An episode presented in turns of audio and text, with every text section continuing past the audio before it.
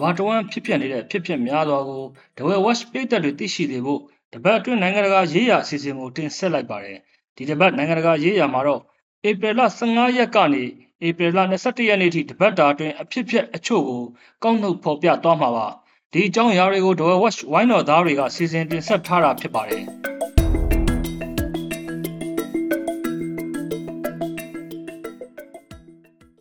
ကနေဒါလေဆိပ်မှာဒေါ်လာ15သန်းနီးပါးတန်ဖိုးရှိတဲ့ ရွှေဖောက်ထွင်းမှုတစ်ခုဖြစ်ပွားခဲ့ပါတယ်။ကနေဒါနိုင်ငံသမိုင်းမှာဒေါ်လာ15သန်းနီးပါးတန်ဖိုးရှိတဲ့ကြီးမားတဲ့ရွှေဖောက်ထွင်းမှုတစ်ခုကိုတိုရွန်တိုပီယာဆန်နိုင်ငံတကာလေဆိပ်မှာဖြစ်ပွားခဲ့ပါတယ်။ဧပြီလ18ရက်နေ့ကအမေရိကန်ဒေါ်လာ15သန်းကျော်တန်ကြေးရှိတဲ့ရွှေနဲ့အဖိုးတန်ပစ္စည်းတွေခိုးယူခံရတယ်လို့အာဏာပိုင်တွေကပြောကြားလိုက်တာပါ။အွန်တာရီယိုပြည်နယ်မှာတူဖော်ရရှိတဲ့ရွှေတွေကိုပို့ဆောင်မှုအသုံးပြုတဲ့လေဆိပ်လည်းဖြစ်ပါတယ်။ အဲ့ဒီနေ့ညနေကလေမော်တင်ဆောင်မဲ့ဖိုးတန်ကွန်တိန်နာတစ်လုံးလေဆိပ်ကိုရောက်လာခဲ့ပြီးလေဆိပ်ကိုလောင်ယုံကိုပို့ဆောင်ခဲ့ပါတယ်။လေဆိပ်ကိုလောင်ယုံမှာဖောက်ထွင်းမှုဖြစ်ခဲ့တာလို့လည်းရဲတွေကယုံကြည်နေပါတယ်။အလေးချိန်ဘယ်လောက်ရှိတယ်ဘယ်လေကြောင်းကနေတင်ဆောင်လာခဲ့တယ်ဘယ်နေရာကတင်ဆောင်လာခဲ့တယ်ဆိုတာတွေကိုတော့ထုတ်ဖော်ပြောဆိုခြင်းမရှိသေးပါဘူး။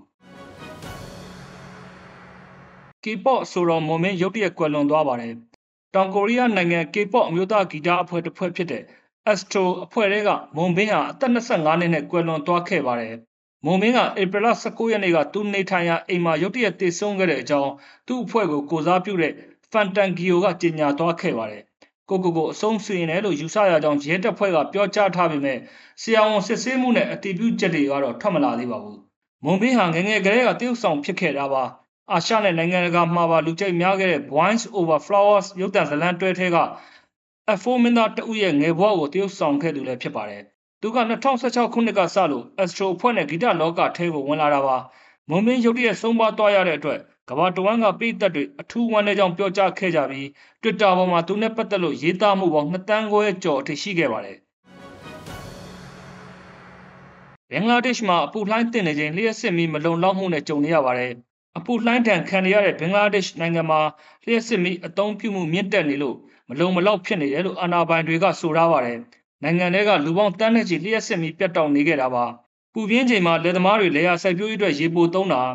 ရာမဒန်ဥပုပ်ကာလအတွက်စီးပွားရေးလုပ်ငန်းတွေကပွဲတော်ပြင်ဆင်မှုတွေလုပ်နေတာကြောင့်မလုံမလောက်ဖြစ်နေတာလို့ဆိုပါတယ်။ဒီအတွက်လျှက်စစ်မီမလောက်မငါဖြစ်ပြီးမီးတွေဖျက်တောက်ထားရတာဖြစ်တယ်လို့လည်းတာဝန်ရှိသူတွေကရှင်းပြပါတယ်။တနေ့ကုန်အစာမစားဘဲဥပုပ်ဆောင်လာပြီးညဘက်မီးပြက်လို့အိမ်မရတာတိတ်ခက်ခဲနေတယ်လို့ဒါကာမြို့နယ်တူကဆိုခဲ့ပါတယ်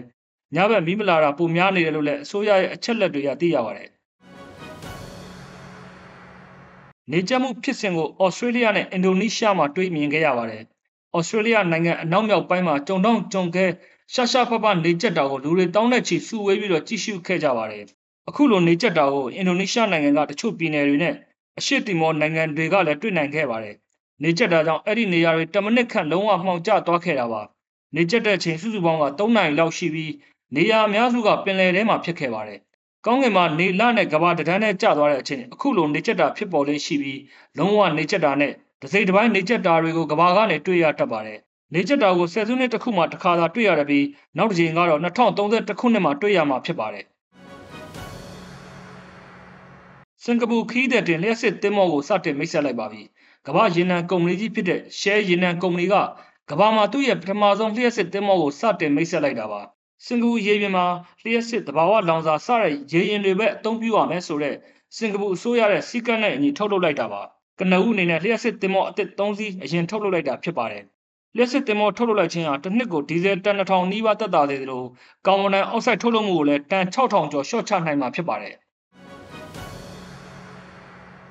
ဆူရန်မှာအပြစ်ခတ်ရစဲကြီးညာပြီးတိုက်ပွဲတွေဆက်ဖြစ်နေပါတယ်။ဆူရန်နိုင်ငံမှာ24နိုင်အကြာပြစ်ခတ်ရစဲရေးကိုလစ်လျူရှုပြီး နှစ်ဖက်လက်နက်ကန်တပ်ဖွဲ့တွေကြားခါတွန်မြို့တော်ကလမ်းတွေပေါ်မှာတိုက်ပွဲတွေရက်ဆက်ဖြစ်ပွားခဲ့ပါတယ်။တိုက်ပွဲဖြစ်ပွားချိန်ကစလို့9ရက်အတွင်းတေဆုံးသူ300ကျော်နေခဲ့ပါပြီ။တနက်တန်တွေနဲ့ပောက်ကွဲတန်ကြီးတွေထပ်ပေါ်လာခဲ့ပြီးနောက်မှာတော့လမ်းတွေပေါ်မှာလူသွားလာကင်းမဲ့နေခဲ့ပါတယ်။ဒဏ်ရာရရှိသူတွေကိုလူသားချင်းစာနာမှုပေးဖို့ WHO ကတိုက်တွန်းထားပါတယ်။တိုက်ပွဲစဖြစ်ပြီး၄ရက်အကြာမှာကုလသမဂ္ဂနဲ့အာဖရိကန်ခေါင်းဆောင်တွေကအပြစ်ခတ်ရက်စဲဖို့ညှိနှိုင်းပေးခဲ့ပါသေးတယ်။ 24နိုင်ကြာအပြစ်ခတ်ရက်စဲရေးကိုနှစ်ဖက်လက်နက်ကန်ခေါင်းဆောင်တွေကသဘောတူကြောင်းကြေညာခဲ့ပေမဲ့လည်းတိုက်ပွဲတွေကတော့ဆက်လက်ဖြစ်ပွားနေခဲ့တာပါ။ဆူရန်နိုင်ငံမှာအာနာသိစစ်ခေါင်းဆောင်ကိုတစ္ဆာခံတဲ့စစ်တပ်နဲ့ဗိုလ်ချုပ်မိုဟာမက်ဟန်ဒန်ဦးဆောင်တဲ့အင်အားကြီးပြည်သူ့စစ်အဖွဲ့တို့ကြားတိုက်ခိုက်နေကြတာဖြစ်ပါတယ်။အင်အားကြီးပြည်သူ့စစ်အဖွဲ့ RSF အဖွဲ့ကနေဧပြီလ22ရက်ကစလို့82နိုင်အပြည့်ရဖို့ထပ်မံကြေညာထားပါတယ်။အာနာသိန်းစစ်တပ်ဘက်ကတော့အကြောင်းမပြန်သေးပါဘူး။ တရုတ်နိုင်ငံမှာဆေးရုံမီးလောင်မှုကြောင့်အနည်းဆုံး29ဦးသေဆုံးခဲ့ပါတယ်။တရုတ်နိုင်ငံပေကျင်းမြို့တော်မှာဧပြီလ18ရက်နေ့ကပုဂ္ဂလိကဆေးရုံချန်ဖန်းမှာမီးလောင်မှုဖြစ်ခဲ့ပါတယ်။မီးလောင်မှုကြောင့်သေဆုံးသူအနည်းဆုံး29ဦးရှိခဲ့ပြီးဒဏ်ရာရရှိသူ39ဦးရှိခဲ့ကအဲ့ဒီအထက်မှာ3ဦးကအခြေအနေစိုးရင်ရတယ်လို့အာဏာပိုင်တွေကဆိုပါတယ်။သေဆုံးသူတွေထဲမှာဆေးရုံတွင်ထားတဲ့လူနာတွေပြင်တူနာပြုကျမရေးဝန်ထမ်းနဲ့လူနာဆောင်မိသားစုဝင်တွေလည်းပါဝင်နေတာပါ။အဲမှာပိတ်မိခဲ့တဲ့သူတွေကတော့ အိယာခင်းတွေကိုကျိုးအနေနဲ့တုံးပြီးပြတင်းပေါက်ကတစ်ဆင့်ထွက်ပြေးခဲ့ကြရပါတယ်။မိလောင်မှုနဲ့ပတ်သက်လို့ဆေးရုံညွှန်ကြားရေးမှုနဲ့လူနာဆောင်ကိုပြုပြင်နေကြတဲ့စောက်လို့ရေးဝန်ထမ်းတွေအပါအဝင်လူပေါင်း12ဦးကိုဖမ်းဆီးခဲ့ပါတယ်။ဂဟေစော်ယာကထွက်လာတဲ့မိပွားတွေကမိလောင်လွယ်တဲ့တုတ်ဆေးကိုကူးဆက်လောင်ကျွမ်းတာဖြစ်တယ်လို့ကနဦးယူဆထားကြပါတယ်။ Sorry နိုင်ငံခြားရေးဝန်ကြီးဆီးရီးယားတွားရောက်နေပါတယ်။ Sorry အာရေဗျနိုင်ငံရဲ့နိုင်ငံခြားရေးဝန်ကြီးမင်းသားဖိုင်ဆယ်ဘင်ဖာရန်ဟာ